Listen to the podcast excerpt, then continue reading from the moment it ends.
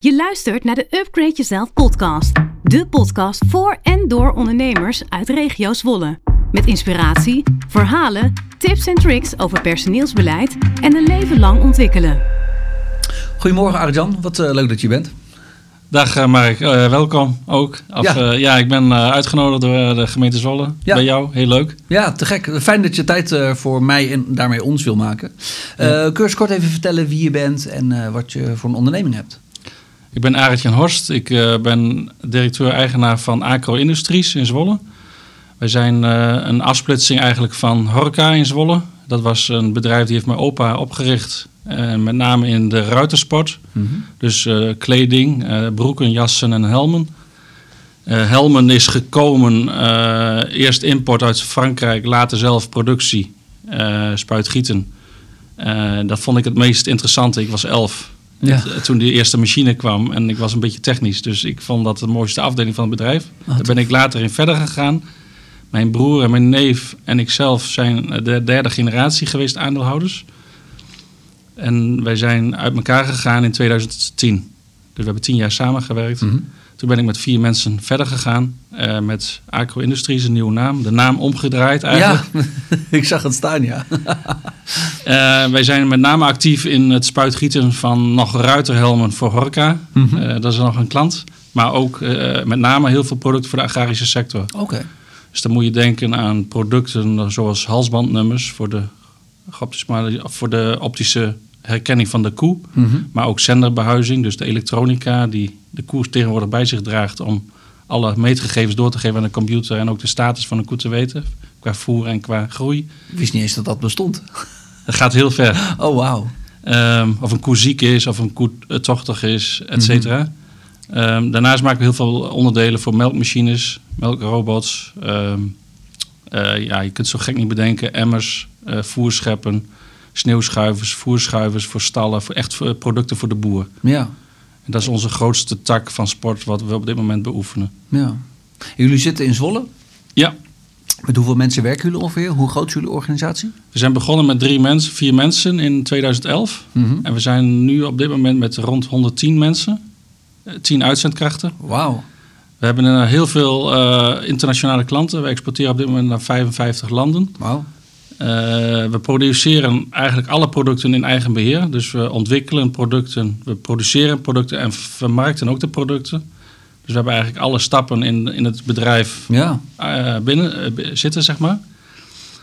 Ja, en daarnaast staan we ook open voor nieuwe contacten. Dus mensen die een kunststofproduct nodig zijn, die kunnen zich bij ons melden. En dan kunnen wij daar een mortrijs voor bouwen en ja. het spuitgietwerk voor hun doen. Oh, nou te gek, maar 110 mensen nu ten opzichte van, zullen we zeggen, drie, vier, vijf... Uh, tien jaar geleden. En dan tien jaar geleden. Dat is wel echt gigantisch gegaan. Ja, altijd achter de feiten aanlopen. de eerste jaren, eerste anderhalf jaar ben ik per, per maand een week op reis geweest. Ja. Naast alle drukte. Ik deed in het begin alles zelf. De sales en de inkoop en uh, bij wijze van vrachtwagens inladen. Ja, ja, nou, en facturatie nog en incasso. En elke keer probeer je weer wat af te schuiven naar een nieuwe medewerker. Ja. Want uh, het ontwikkelde. In het begin had ik weinig klanten toen ik begon. Rond de 70 klanten. En nu rond de 1000. Ja, wauw. Uh, wereldwijd. Uh, het is, in, in, het begin ben ik een, een, week per maand op reis geweest. Gewoon om te, te zaaien in de markt. Ja. De eerste beurzen hebben we in 2012 gehad.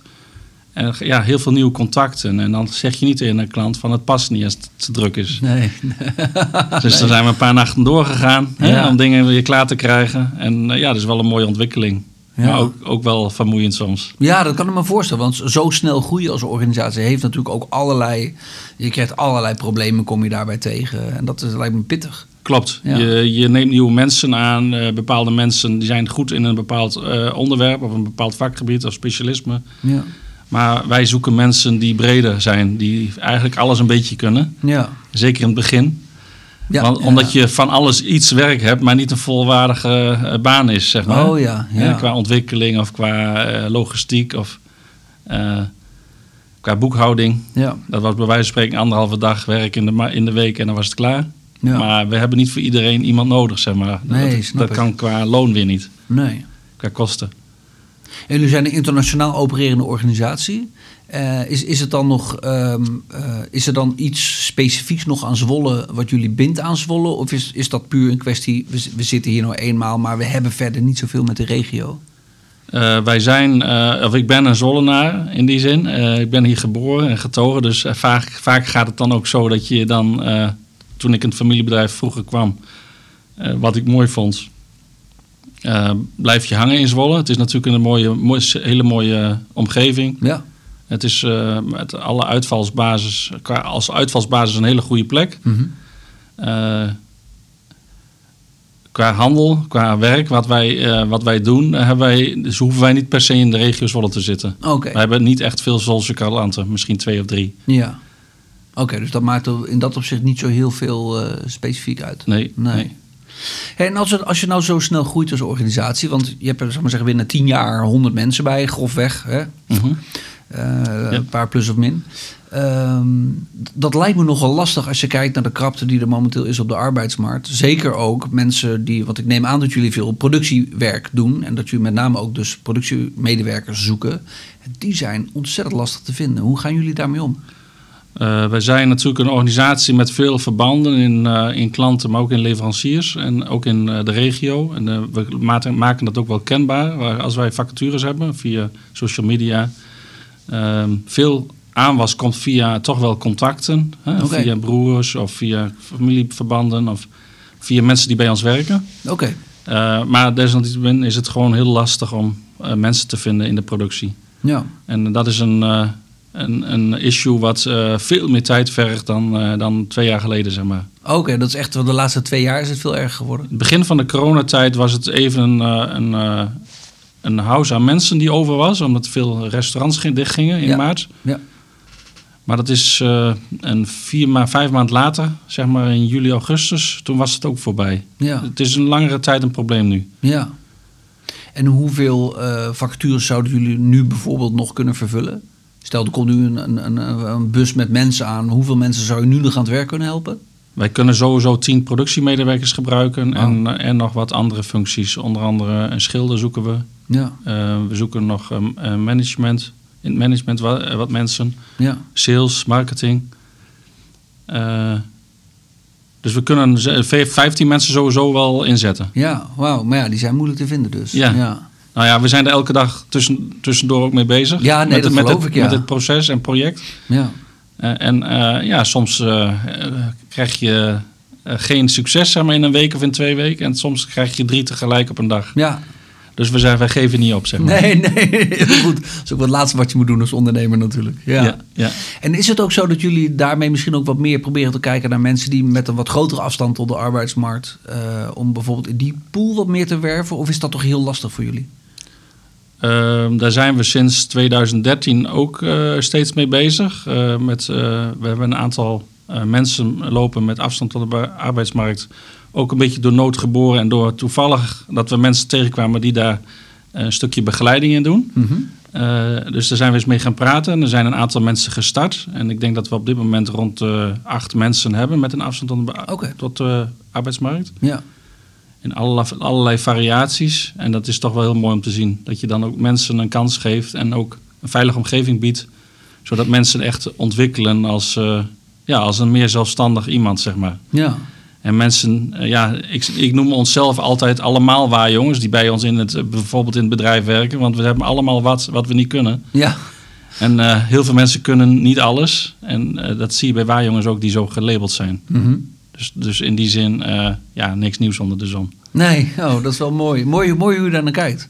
Ja. Maar die vinden het dus belangrijk dat, dat mensen wel echt een veilige werkomgeving hebben waar ze nou, hun werk kunnen doen en weer tot bloei kunnen komen, zeg maar dan. Ja, als ik naar mezelf kijk, eh, ik heb ook een periode op school dat ik gepest ben. Is, dat toch, eh, is er toch een bepaalde impact in jezelf? Ja. Van, hey, kan ik dat wel? Je ziet mensen die, die heel makkelijk spreken. Eh, mensen die zonder kennis die wel iets kunnen verkopen. Maar je, je ziet ook mensen die minder spreken. En ik wil graag dat in mijn teams dat ook eh, naar voren komt. Dat de mensen die moeilijker kunnen spreken bijvoorbeeld... een veel beter idee kunnen hebben dan mensen die, die heel goed kunnen spreken. Ja, ja. En eh, dat, dat moet gewoon steeds weer naar boven komen in een meeting en in een vergadering. Dat, dat we alle zienswijzen ook op tafel krijgen, zeg maar. Ja. Om dan de beste keuze te maken met elkaar. En, en wat doe je dan concreet om dat voor elkaar te krijgen? Geef je echt mensen het woord van... hé hey, eh, Sander, ik wil heel graag nu horen wat jij ervan vindt... of probeer gewoon een soort ruimte te creëren... of een sfeer of een cultuur te creëren... waarin, waarin mensen dat gewoon ook durven? Of moet je het er soms echt uittrekken? Hoe pak je zoiets aan? Ja, je ziet gewoon nieuwe mensen eh, die dat wel wat lastiger vinden. Dat ze altijd wat de kat uit de boom kijken. Maar in de sessies die we dan hebben, in, in besprekingen over purchase of over sales of marketing. eh, of eh, werkoverleg op de werkvloer. Dat mensen dan ook de gelegenheid hebben om echt iets te zeggen. En dat Mhm. mag eh, krom eruit komen, zeg maar. Maar dat je, dat je gewoon hoort wat er leeft in iemand. Ja, En ja, we proberen daar een goede sfeer voor te creëren. Ook dat heb ik wel fout gedaan in de, de laatste paar jaar. Steeds bezig zijn met de orders, Uitleveren, maar te weinig eh, met elkaar spreken van hey, wat gaat er nu goed en wat gaat er fout steeds. ja. En dat er toch heel veel frustratie soms bij mensen kan groeien in de tijd. Mm. Wat eigenlijk geen frustratie beho- behoort te zijn in een organisatie. Nee. En dat is mooi als je dan daar weer gelegenheid voor biedt, elke twee weken of elke drie weken, een, eh, een structureel een, een sessie inplant met een werkvloer. Mhm. Ook de, alle mensen van de, van de productie aanwezig zijn van hey, wat gaat er goed en wat kunnen we beter doen. Ja. Nou ja, dan zie je ook weer dat een stukje onrust weer verdwijnt. Ja. Hè? En dat je, dat, je, dat je weer meer een team wordt. Ja. En eh, ja, dat, met een team eh, eh, kun je de oorlog winnen, zeg maar. Ja. ja. Het is een. ehm, hoe moet ik dat zeggen? Dus. Ja, je moet met elkaar moet je samen scherp zijn, zeg maar. Dus als iemand een steek laat vallen, dat een ander dat ziet. Eh, Ja. Dat, je, dat je dan echt een, een scherpe organisatie wordt. Ja. Ja, en ik kan me ook voorstellen dat als de sfeer of de cultuur ik maar in een organisatie prettig is, dat mensen ook minder snel geneigd zijn om ergens anders heen te gaan. Dus alleen al voor het behouden van je personeel, wat misschien net zo belangrijk is als het werven van personeel, heeft dat natuurlijk ook gewoon echt toegevoegde waarde om daar die tijd en energie in te steken. Absoluut. Ja. Ja, zeker weten. En is, is het ook zo dat jullie eh, qua. eh, de laatste tijd wordt alles veel duurder, eh, weten we allemaal. Ehm, en zeker ook grondstofprijzen. Ik weet dat van, van hout in ieder geval dat het veel duurder is geworden. Olie, nou ja, op de dag dat we dit opnemen, is ongeveer een dag na de inval van Rusland in Oekraïne. Eh, dat gaat ook iets doen met de brandstofprijzen en zo. Ik kan me ook voorstellen dat jullie daar als productieorganisatie bovengemiddeld veel last van kunnen hebben. Klopt We- dat? Is correct, ja. We hebben veel, eh, veel eh, wij kopen veel grondstoffen in granulaat. Ja. Dus zijn, het zijn eigenlijk de basiskorrels voor een kunststofproduct. Die zijn meer dan eh 80, 90 procent duurder geworden de laatste jaar. Zo. Dus eh, wel extreme verhogingen in prijzen.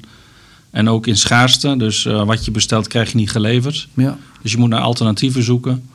Dus een inkoop is daar ook veel, veel drukker mee dan vroeger bestellen en het kwam binnen, zeg maar. Ja, nee, dat geloof ik, ja. ja. Nu heb je levertijden van, van drie, vier maand. Toch ongelooflijk. Terwijl het voorheen eh, was het bij wijze van spreken in drie, vier weken geleverd. Ja, En het gaat met heel veel producten op die manier. ja. Eh overzeese zendingen uit China, Taiwan, Pakistan. Dat zijn ook eh, enorme kostenverhogingen in transportprijzen. ja. Zeecontainers van 2000 dollar nu naar 14.000 dollar. Dat is niet te doen, toch? Nee, maar het zijn wel eh, consequenties waar je je prijzen naar moet, moet aanpassen op bepaalde momenten. Ja. Eh, en ook lastig. Ja, nee, want ik kan me voorstellen dat jullie klanten dan uiteindelijk ook denken van ja, eh, hartstikke leuk, maar dit, eh, dit, dit hadden we niet afgesproken. Klopt, ja, klopt. ja, Ja, dan moet je toch een keuze maken van wel leveren of niet kunnen leveren. ja, Eh, uiteindelijk, als, het, eh, als er niks aan overblijft, dan, dan kan het niet uit, zeg maar. ja. Nee, En dan, stopt eh, alles. Ja, precies, dan, eh, dat, Maar dat- dat is ongezond. Klopt. ja. Ja. En als we kijken naar duurzaamheid, want jullie werken veel met, met eh, kunststoffen, toch? Klopt dat? Ja. Ja. Ehm, is, is dat hele duurzaamheidsvraagstuk bij jullie nou ook nog... ehm, eh, doen jullie daar ook nog iets mee? Kijken naar nieuwe productietechnieken, kijken naar andere materialen die bijvoorbeeld afbreekbaar zijn of niet? Of kan dat niet in jullie markt? Daar zijn we altijd mee bezig. Mhm. al, eh, zo- eh, ja, al 20, 30 jaar, zeg maar. Ja, Op allerlei fronten. We, we hebben in de spuitgieterij altijd afval. Wat, eh, wat producten zijn die niet compleet zijn, zeg maar. Dus als we een emmer maken en de mist de helft, eh, ja, dan kunnen we het niet als emmer verkopen. Dus Nee. dan hebben we afval. En dat afval, dat is geen afval, maar dat is een grondstof voor een nieuwe emmer.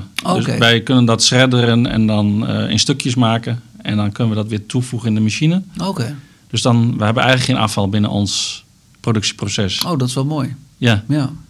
En natuurlijk, eh, je houdt er rekening mee met energieverbruik, met nieuwe machines. Eh, daar kijk je scherp naar. Mhm.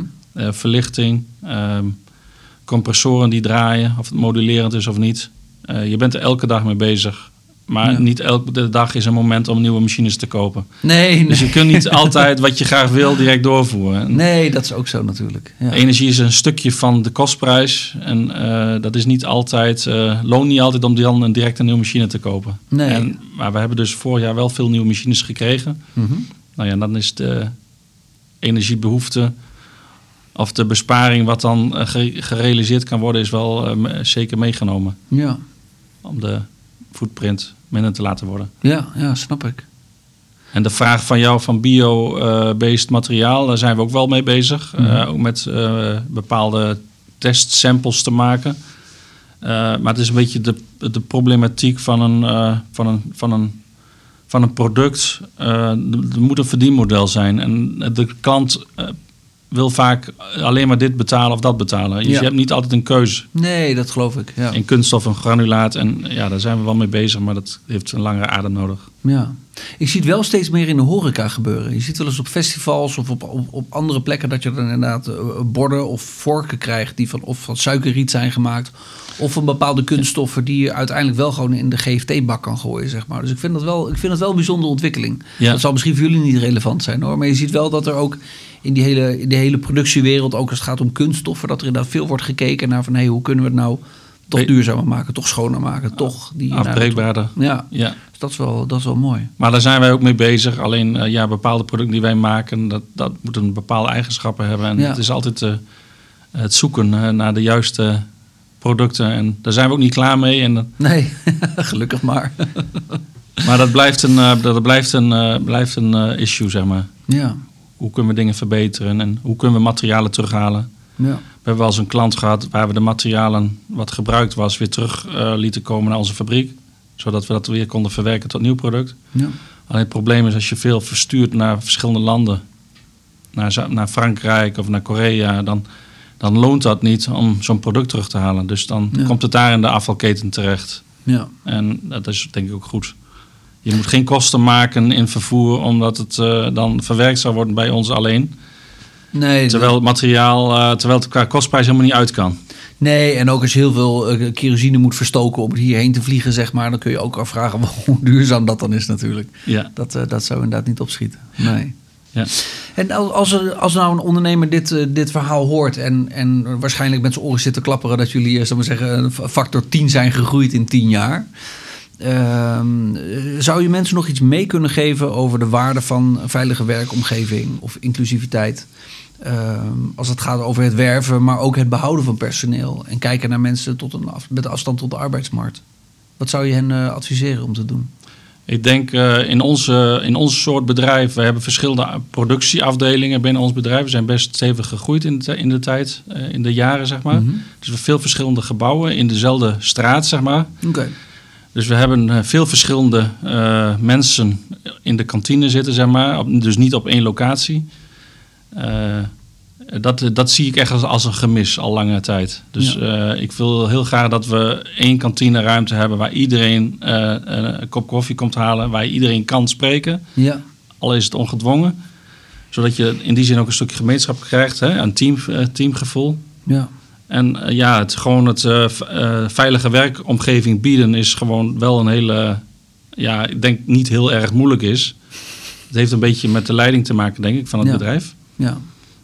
En ja, het is geweldig om te zien dat mensen groeien en ontwikkelen. En ik kijk niet altijd naar aantallen wat iemand kan.